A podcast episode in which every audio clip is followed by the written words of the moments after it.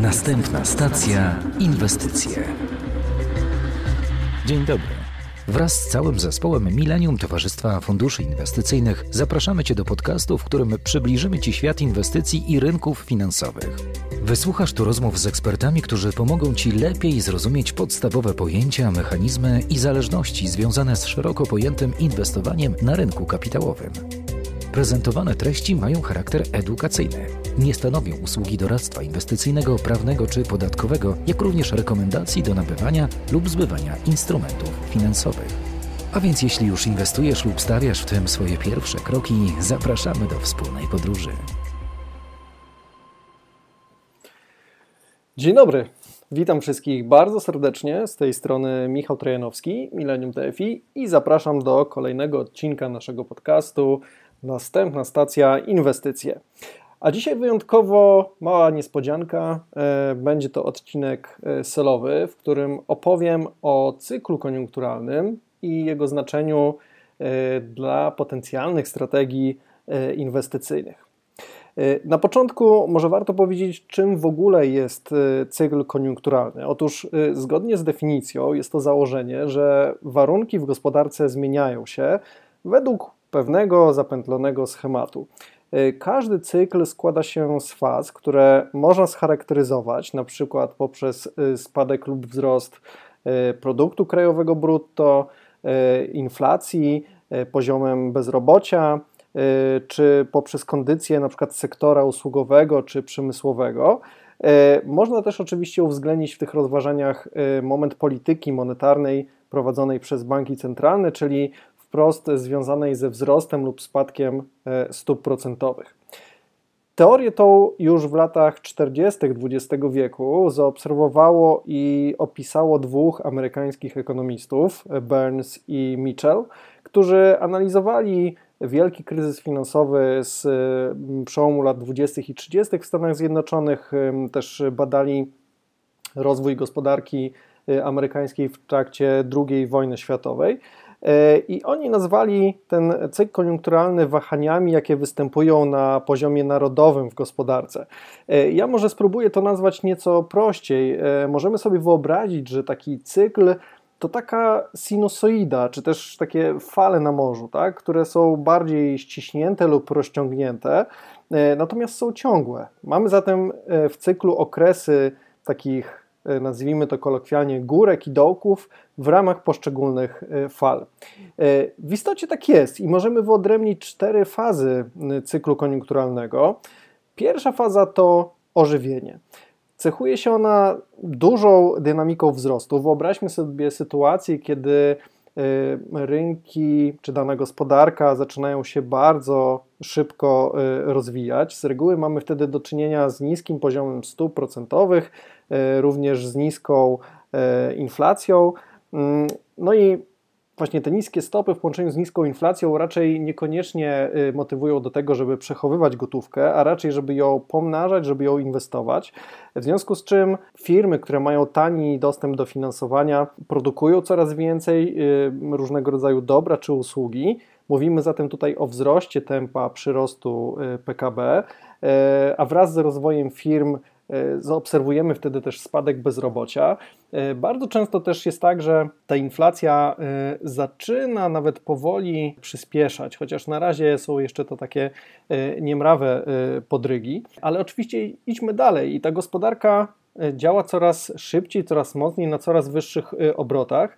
Wchodzimy wtedy w drugą fazę, która nazywana jest często fazą ekspansji to jest taki moment, kiedy ta gospodarka już niemalże e, rozgrzana do czerwoności e, potrzebuje też e, pewnie dużych zapasów surowców do zwiększania tej produkcji. W każdym razie przychodzi taki moment, kiedy gospodarka osiąga najwyższy możliwy poziom tego ożywienia, najwyższe możliwe zatrudnienie i też PKB jest w takim momencie najwyższe. Ponieważ w takich momentach teoretycznie oczywiście napędzanie cen i rozwój gospodarki, napędzanie konsumpcji powoduje też bardzo silny wzrost e, inflacji. Najczęściej mamy wtedy też do czynienia z próbą schładzania tejże gospodarki przez banki centralne, które podnoszą stopy procentowe, a więc finansowanie dla przedsiębiorstw, finansowanie ich rozwoju staje się coraz droższe. Konsumenci również doświadczają podwyżek, jeżeli chodzi o koszty obsługi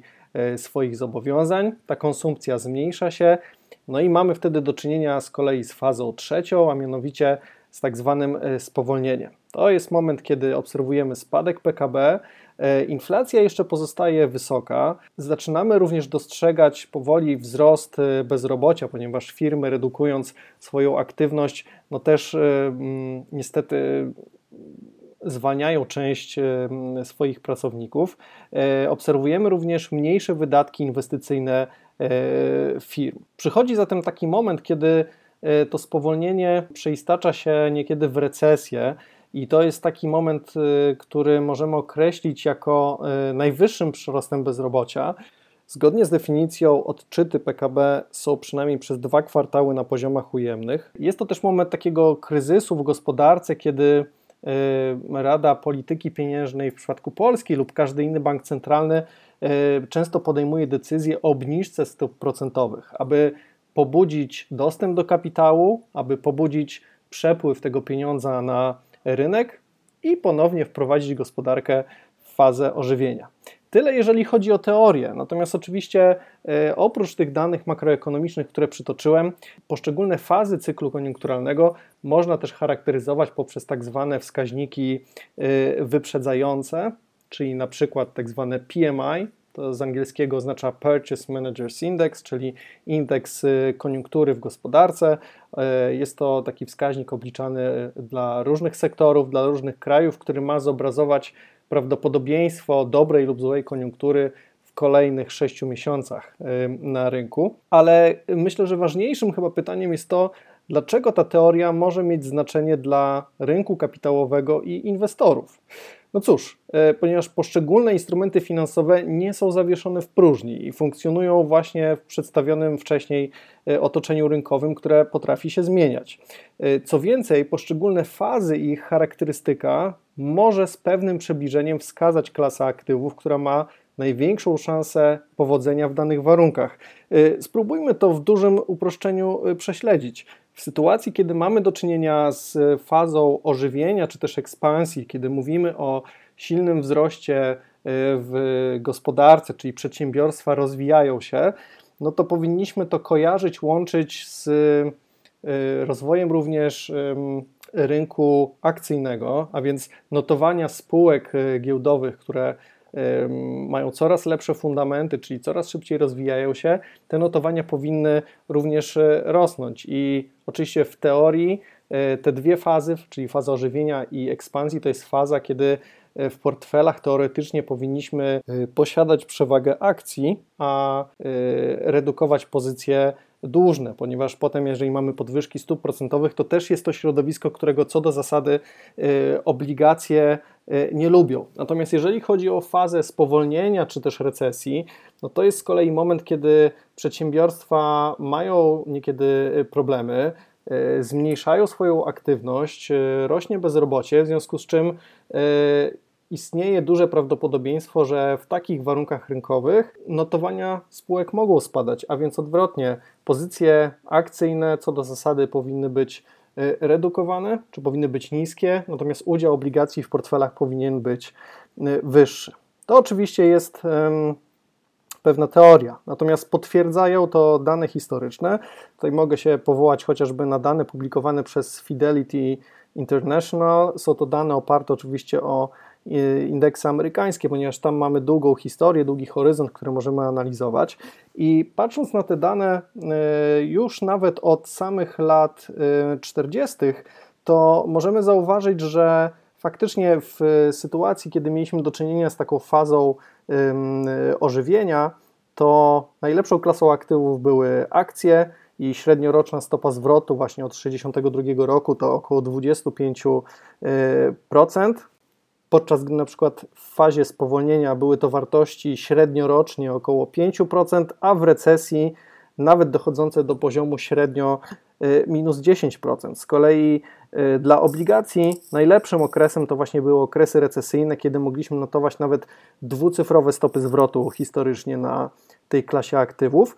A z kolei na przykład najlepszym okresem dla surowców z reguły jest ta faza ekspansji, czyli właśnie wtedy, kiedy gospodarka działa na pełnych mocach produkcyjnych. Oczywiście w ramach cyklu koniunkturalnego klasą aktywów, którą też można brać pod uwagę, jest gotówka lub jej ekwiwalent w postaci np. obligacji o zmiennym oprocentowaniu i z reguły y, akumulowanie gotówki wydaje się uzasadnione w sytuacji, kiedy mamy do czynienia z wysokimi e, stopami procentowymi, a więc e, w momencie, kiedy jesteśmy mniej więcej na przełomie tej fazy ekspansji, czyli kiedy już gospodarka mocniej rozwijać się nie może, ale kiedy właśnie te wysokie poziomy inflacji podbijają do góry stopy procentowe i z reguły wtedy mamy do czynienia z najatrakcyjniejszymi relatywnie ofertami depozytowymi z racji wysokich stóp procentowych. Oczywiście stosowanie cyklu koniunkturalnego w strategiach inwestycyjnych nie daje stuprocentowych szans powodzenia. Dlaczego tak się dzieje? Mamy tutaj kilka wyzwań. Po pierwsze, dane, dzięki którym możemy określać fazę cyklu koniunkturalnego, mogą być opóźnione, y, a przy inwestycjach chodzi o przyszłe stopy zwrotu. Co za tym idzie, inwestorzy mogą mieć niekiedy utrudnione zadanie, by określić, w jakiej fazie jesteśmy, y, na jaką fazę się szykować i wreszcie, jak ustawić pod to swój portfel inwestycyjny. Po drugie, fazy mają różny okres trwania i przebieg. Czasem są krótkie, jak na przykład w 2020 roku y, podczas wybuchu pandemii koronawirusa okres recesji trwał miesiąc. Te fazy kryzysowe, recesyjne mogą też być rozciągnięte w czasie, jak na przykład podczas wielkiego kryzysu w Stanach Zjednoczonych na przełomie lat 29-33 y, XX wieku, y, czy mogą być wręcz kilkufalowe, tak jak w latach 80. XX wieku, również w Stanach Zjednoczonych, gdzie mieliśmy dwie takie fazy spowolnieniowe Y, oddzielone od siebie kilkoma, kilkunastoma miesiącami. I teoretycznie prawidła te mogą ulegać pewnemu zatarciu wobec bezprecedensowej roli banków centralnych. Obserwujemy to współcześnie. Na moment nagrywania tego podcastu, czyli na początku 2024 roku, yy, możemy zerknąć na historię nawet ostatnich dwóch lat, gdzie okazuje się, że yy, sytuacja, w której yy, rynek oczekuje spadku stóp procentowych po bezprecedensowych podwyżkach stóp procentowych e, w związku z, wal z walką z inflacją mogą okazać się potencjalnie korzystne zarówno dla rynku obligacji, które w takich warunkach e, czują się najlepiej, ale okazuje się również, że środowisko spadających stóp procentowych może również pomagać spółkom, które mogą wtedy obniżyć koszty swojego finansowania i wreszcie stają się dużo bardziej atrakcyjne porównaniu chociażby z rekordowymi rentownościami obligacji. Puentując tą dzisiejszą opowieść, e, sądzę, że perspektywa cyklu koniunkturalnego może być jednym ze sposobów oceny warunków rynkowych e, panujących szans i zagrożeń. E, tak naprawdę każdy z nas, nawet na podstawie dwóch publicznie dostępnych danych, czyli Mówię tutaj o poziomie PKB czy inflacji. Nawet nie chodzi tutaj o nominalne wartości, a w zasadzie o tendencje, czy raczej już jesteśmy po szczytach, czy przed y, dnem danego wskaźnika. Jesteśmy w stanie określić mniej więcej, w której fazie cyklu koniunkturalnego e, jesteśmy. A to określenie faz przypomina niekiedy pory roku. Też mamy y, wiosnę, lato, jesień, zimę. Tak samo jak obserwujemy fazę ożywienia, ekspansji, spowolnienia czy y, recesji. I przynajmniej jeżeli chodzi o tutaj tą polską szerokość geograficzną, raczej rzadko zdarza się, że ktoś chodzi cały rok y, w jednym stroju. Raczej dostosowujemy ten strój do y, warunków pogodowych i dokładnie trzymając się tej przenośni, moglibyśmy myśleć też o rynku finansowym, gdzie właśnie skład swojego portfela powinniśmy dostosowywać do poszczególnych faz cyklu koniunkturalnego, dlatego że czasy się zmieniają, więc sposoby na pomnażanie pieniędzy również się zmieniają. I nie ma jednego sposobu na pomnażanie y, zgromadzonych y, środków. warto o tym pamiętać, biorąc pod uwagę oczywiście szereg jeszcze innych wskaźników wynikających już z bieżącej sytuacji. Zachęcam zatem wszystkich naszych słuchaczy do tego, aby spróbować zmierzyć się z tematem cyklu koniunkturalnego i nawet z ciekawości popatrzeć na taki zegar ekonomiczny i bardzo jestem ciekaw, do jakich wniosków Państwo dojdziecie. Tymczasem bardzo dziękuję za uwagę i do usłyszenia w kolejnych odcinkach.